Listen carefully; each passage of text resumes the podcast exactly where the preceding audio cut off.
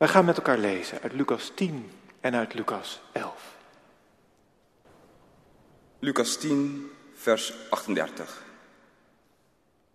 Toen ze vertrokken, ging hij een dorp in, waar hij gastvrij werd ontvangen door een vrouw die Martha heette. Haar zus, Maria, ging aan de voeten van de Heer zitten en luisterde naar zijn woorden. Maar Martha werd helemaal beslag genomen door de zorg van haar gasten. Ze ging naar Jezus toe en zei, Heer, kan het u niet schelen wat mijn, dat mijn zus al het werk alleen laat doen? Zeg tegen haar dat ze mij moet helpen. De Heer zei tegen haar, Martha, Martha, je bent zo bezorgd en je maakt je druk over zoveel dingen. Er is maar één ding noodzakelijk. Maria heeft het juist gekozen en dat zal haar niet worden ontnomen. Eens was Jezus aan het bidden en toen hij zijn gebed beëindigd had, zei een van de zijn leerlingen tegen hem, Heer, leer ons bidden, zoals Johannes het zijn leerlingen geleerd heeft. Hij zei tegen hen, wanneer jullie bidden, zeg dan, Vader, laat uw naam geheiligd worden en laat uw koninkrijk komen. Geef ons dagelijks het brood dat wij nodig hebben. Vergeef ons onze schulden, want ook wij zelf vergeven iedereen die ons iets schuldig is. En breng ons niet in beproeving. Daarna zei hij tegen hen, stel dat iemand van jullie een vriend heeft en midden in de nacht naar hem toe gaat en tegen hem zegt, wil je mij drie broden lenen? Want een vriend van me is na een reis bij hem gekomen en ik heb niets om hem voor te zetten. En veronderstel nu eens dat die vriend dan zegt, val me niet lastig. De deur is al gesloten en mijn kinderen en ik zijn al naar bed. Ik kan niet opstaan om je eten te geven wat je vraagt. Ik zeg jullie, als hij al niet opstaat en het hem geeft omdat ze vrienden zijn, dan zal hij wel opstaan omdat zijn vriend onbeschaamd aandringt en hem alles geven wat hij nodig heeft. Daarom zeg ik jullie, vraag en er zal je gegeven worden. Zoek en je zult vinden. Klop en er zal voor je worden opengedaan. Want een ieder die vraagt ontvangt en wie zoekt vindt. En voor wie klopt zal worden opengedaan. Welke vader onder jullie zal zijn kind, als het om vis vraagt, in plaats van vis een slang geven? Of een schorpioen, als het om een ei vraagt? Als jullie dus, slecht als jullie zijn, je kinderen al goede gaven kunnen schenken, hoeveel te meer zal de Vader in de hemel dan niet de Heilige Geest geven aan wie hem daarom vragen. Gemeente van Christus. Dit is de tweede dienst in een serie themadiensten die in deze gemeente georganiseerd worden rondom bidden. De eerste dienst was een maandje geleden en dit is de tweede. En het thema is bidden, hoe doe je dat? De discipelen gaan naar Jezus toe en vragen hem, leer ons bidden.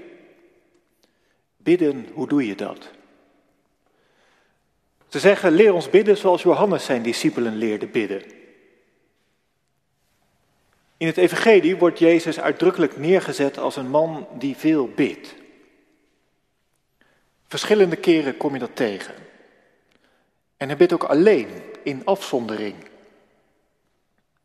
Je komt teksten tegen waarin hij spreekt tot de Vader en dat ook opgeschreven staat. En hij moedigt zijn leerlingen ook aan om te bidden, zoals in Lucas 11, bid en u zal gegeven worden.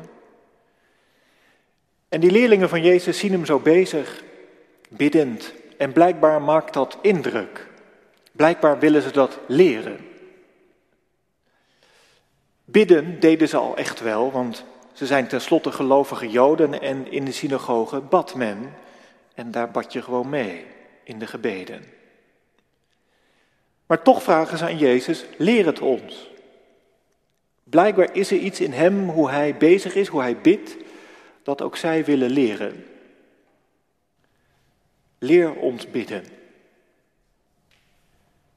Misschien vinden we dat eigenlijk wel een gekke vraag. Want valt er iets te leren dan aan bidden? Is het niet zo dat we vaak benadrukken, er is niet zoveel te leren aan bidden? Als je boekjes erop naslaat over bidden, dan, dan staat er vaak, ja, bidden, eigenlijk, eigenlijk is alles goed. Je mag in principe alles vragen, alles zeggen tegen God. En als het om je houding gaat, sommige mensen doen hun ogen dicht, hun handen gevouwen, anderen heffen hun handen zo op tot God en gaan staan. Het maakt niet zoveel uit. Tuurlijk, een zekere eerbied, dat is gevraagd. Maar het hoeft niet mooi, het hoeft niet gepolijst, je hoeft er niet goed in te worden. Er zijn geen volzinnen nodig. Je hoeft niet een soort niveau te bereiken om te mogen bidden. Nee, gooi je hart maar open. Huilend of lachend, zuchtend of in opluchting. Laat het maar oprecht en authentiek zijn. Dat is het belangrijkst.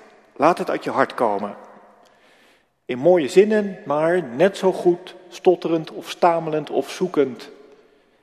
Dat maakt niet uit. En je hoeft je ook niet in te houden. Het gebedenboek in de Bijbel is het boek van de psalmen. En als je die psalmen leest, nou, daarin wordt echt van alles tegen God gezegd. Op zo'n manier dat wij er nog wel eens voor terug zouden deinzen. God wordt bijvoorbeeld verweten dat hij slaapt en onverschillig is en helemaal niks doet. Er wordt tegen God gezegd, ik haat mijn vijanden, breng ze alsjeblieft om. Nou, dat zijn echt zinnen die uit de diepe krochten van je mens zijn komen. Goud eerlijk. Leren bidden, is, is dat dus wel nodig? Want eigenlijk, als je bidt, dan doe je het al goed. En toch, de discipelen vragen, leer ons bidden. Ze waren bidden echt wel gewend, dus blijkbaar vragen ze om een stukje verdieping. Om verdieping van hun gebedspraktijk. Maar leren bidden is ook echt wel iets. Als je aan het begin staat van geloof en je je waagt aan bidden, beginnen is moeilijk. Ik merk het zelf altijd bijvoorbeeld bij, bij een preek maken. Je hebt een beetje uitgedacht wat je wil gaan zeggen. En dan moet je het op papier gaan krijgen. Je moet beginnen met typen. Maar dan staat die cursor maar te knipperen. En dan komt er niet zoveel. Er is een drempel. Beginnen, beginnen is moeilijk. Of, en laten we daar maar reëel over zijn, je bent qua gebed weer bij nul uitgekomen.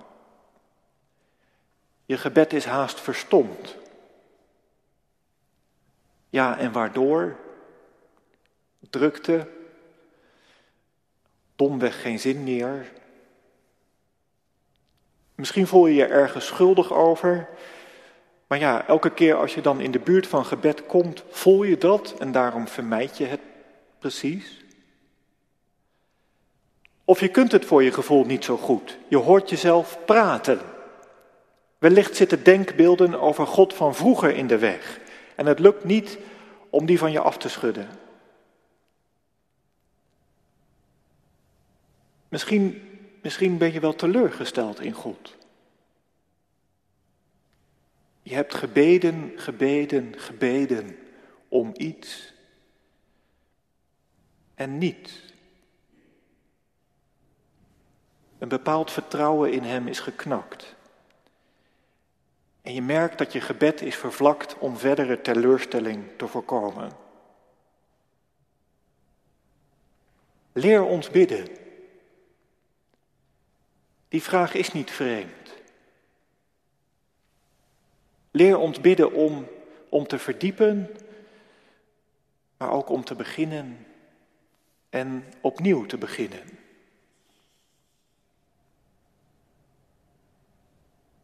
En ik noem vanavond drie dingen die zouden kunnen helpen. Drie dingen die naar voren komen in de schriftlezing, die ons zouden kunnen helpen bij bidden.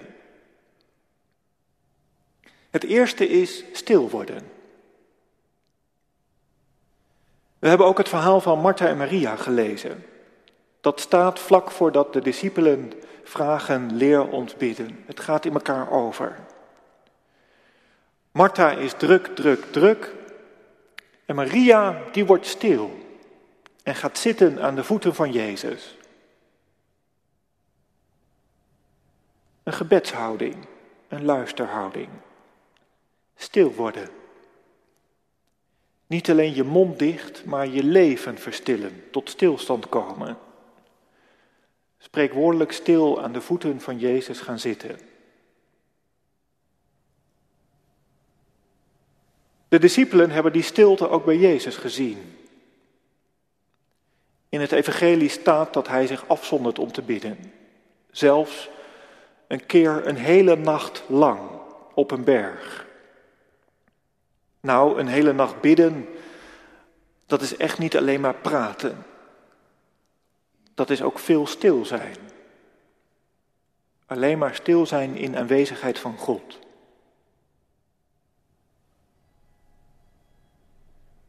Die stilte roept ook de vraag op, wat is bidden nu ten diepste?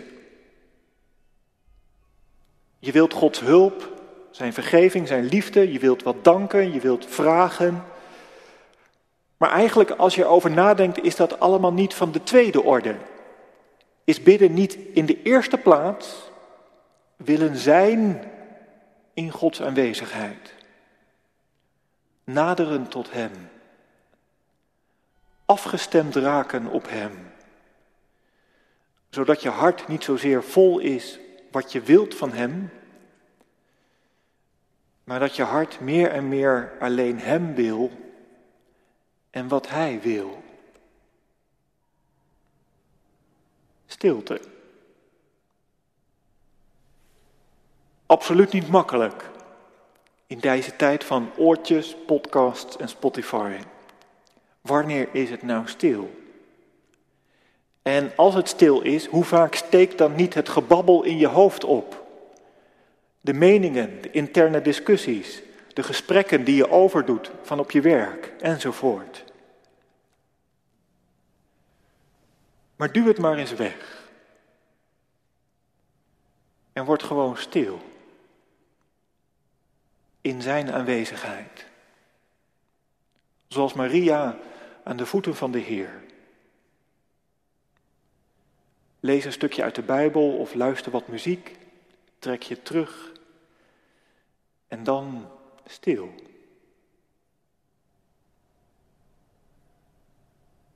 Een psalmdichter zegt: Mijn ziel is stil tot God. Van Hem wacht ik mijn heil. Die zin is gebed in actie.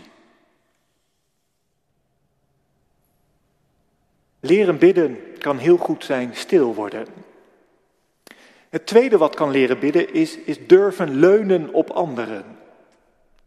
Leunen op anderen. We staan in een traditie waarin het spontane gebed in eigen gekozen woorden belangrijk wordt geacht. Het gaat in die gedachte ook om jouw persoonlijke relatie tot God en dat is, dat is mooi. Zelfs of juist als je stamelend en zoekend je woorden kiest voor God, dat is puur. Tegelijkertijd merk je ook wel eens dat als er voorgeschreven gebeden van anderen gebruikt worden, of bijvoorbeeld ja, formuliergebeden in de kerk, als je leunt op de gebeden van anderen, dit als wat minder wordt gezien. Minder echt, minder, minder puur, minder van jezelf. Maar wij bidden toch echt heel vaak het Onze Vader. Een gebed dat Jezus ons woord voor woord voordoet. Als je bekend bent met de christelijke traditie, komt in de kerk, gelovig bent opgevoed, dan heb je heel vaak dit Onze Vader gebeden. Wij leunen op Jezus in dit gebed. Er is dus niets mis met het leunen op de gebeden van anderen. Er is niets mis met het gebruik van een goed gebedenboek. Of gebeden die je ergens op internet hebt gevonden. Sterker nog, het kan je helpen om te beginnen, opnieuw te beginnen, te verdiepen. Het kan je leren bidden. Als je begint met bidden, dan kunnen gebeden van anderen je het voordoen en kun je via hen meedoen. Als je gebed droog is gevallen, als je bent verstomd en je weet het niet meer, zou je dan niet juist mogen leunen op anderen? En als je vaker bidt en je hoort jezelf herhalen in zinsneden die sleet zijn geworden, zouden gebeden van anderen je eigen gebed niet kunnen verdiepen? Door die gebeden te bidden, je gebed te vernieuwen. En als gebed in de eerste plaats is niet dat wat je zegt en wat je vraagt en bidt en dankt, maar juist het naderen tot God. Kunnen dan gebeden van anderen, van de kerk van alle eeuwen, je daarbij niet helpen? Namelijk dat je op de vleugels van hun gebeden gedragen wordt tot God. Leunen op anderen die je boven alles uittillen tot Hem. Boven alles uittillen ook, ook jezelf. Want je kunt jezelf in de weg zetten in gebed. Omdat het zo druk is in je hoofd, omdat schuldgevoel je kwelt en je niet durft. Omdat je zo vol bent en er voor je gevoel niet zoveel zinnigs uitkomt. Of omdat je juist wil leunen op anderen want je kunt jezelf en je eigen gebed niet meer overeind houden. Ik las het verhaal van een vrouw die op de spoedeisende hulp kwam. Het was ernstig en ze was in paniek en ze vroeg aan haar man: Pak je gebedenboek en bid met mij het eeuwenoude nachtgebed wat erin staat. En waarom? Omdat zij zelf samen geen woorden meer konden vinden. Omdat ze verlangden naar eeuwenoude woorden, waarop ze konden leunen en gedragen werden tot God. Leren bidden, leun op anderen. Schaf een gebedenboek aan. Zoek ze op internet. En één gebedenboek staart ons in de kerk in het bijzonder aan. Het boek van de psalmen. De gebeden die ook Jezus heeft gezongen en gebeden.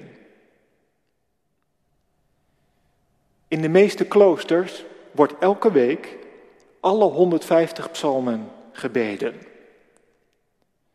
En dat is niet voor niets. Want in de taal van de psalmen, in de taal van de Bijbel, maakt God zich bekend.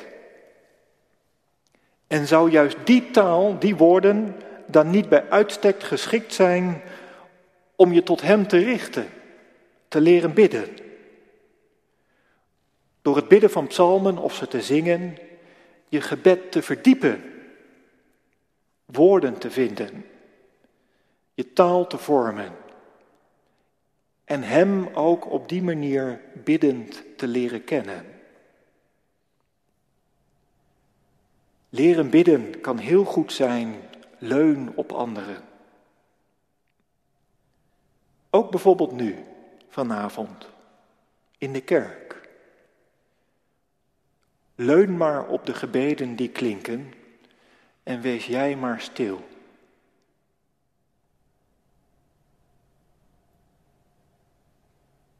En het derde en het laatste is dit. Bidden, als je er even over nadenkt, dat is zoiets wonderlijks. Laat dat besef verlangen in je wakker roepen. Om te gaan bidden, om te beginnen opnieuw. En het wonderlijke zit hem in de aanhef van het gebed dat Jezus leert. Vader, onze Vader. Jezus nodigde ons daarmee expliciet uit in de relatie die Hij heeft met God. Hij en de Vader zijn diep verbonden en het is alsof Hij ons aankijkt en zegt, kom erbij. Zeg mij na, zoals ik Hem aanspreek, onze Vader.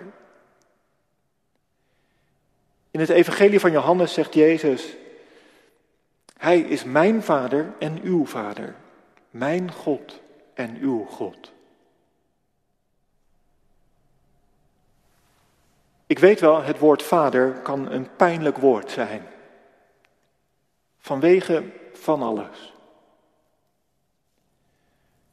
Het woord vader voor God duidt op meerdere dingen. Maar ook dit. Een diepe vertrouwelijkheid waar wij toe uitgenodigd worden. En dit maakt bidden zo bijzonder. Want wie is God? God is de eeuwige, de almachtige. Geen oog heeft hem gezien. Hij woont in een ontoegankelijk licht.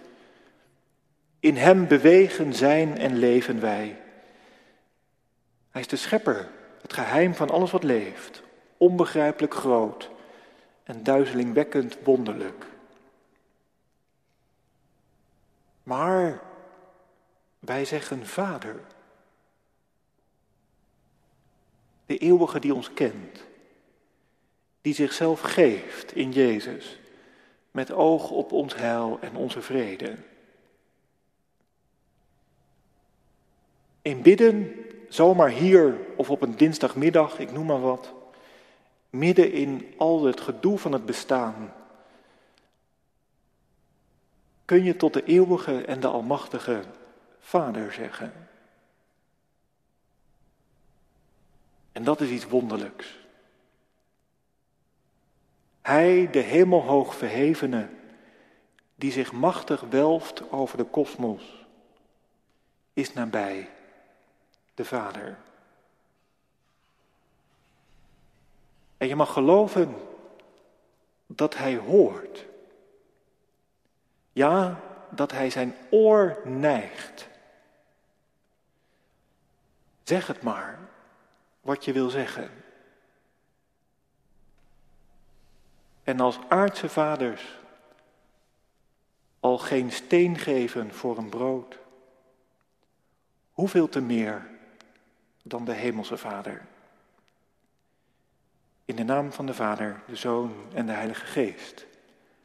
Amen.